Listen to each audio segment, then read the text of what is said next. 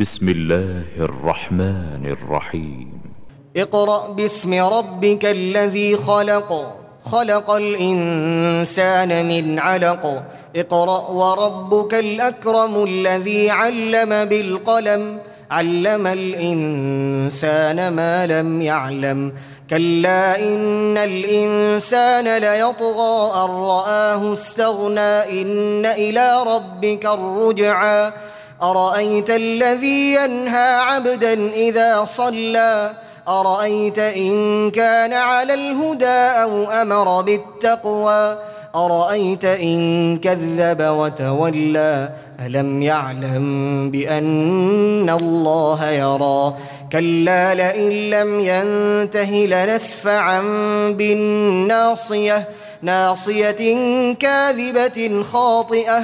فليدع ناديه سندع الزبانية. كلا لا تطعه واسجد واقترب.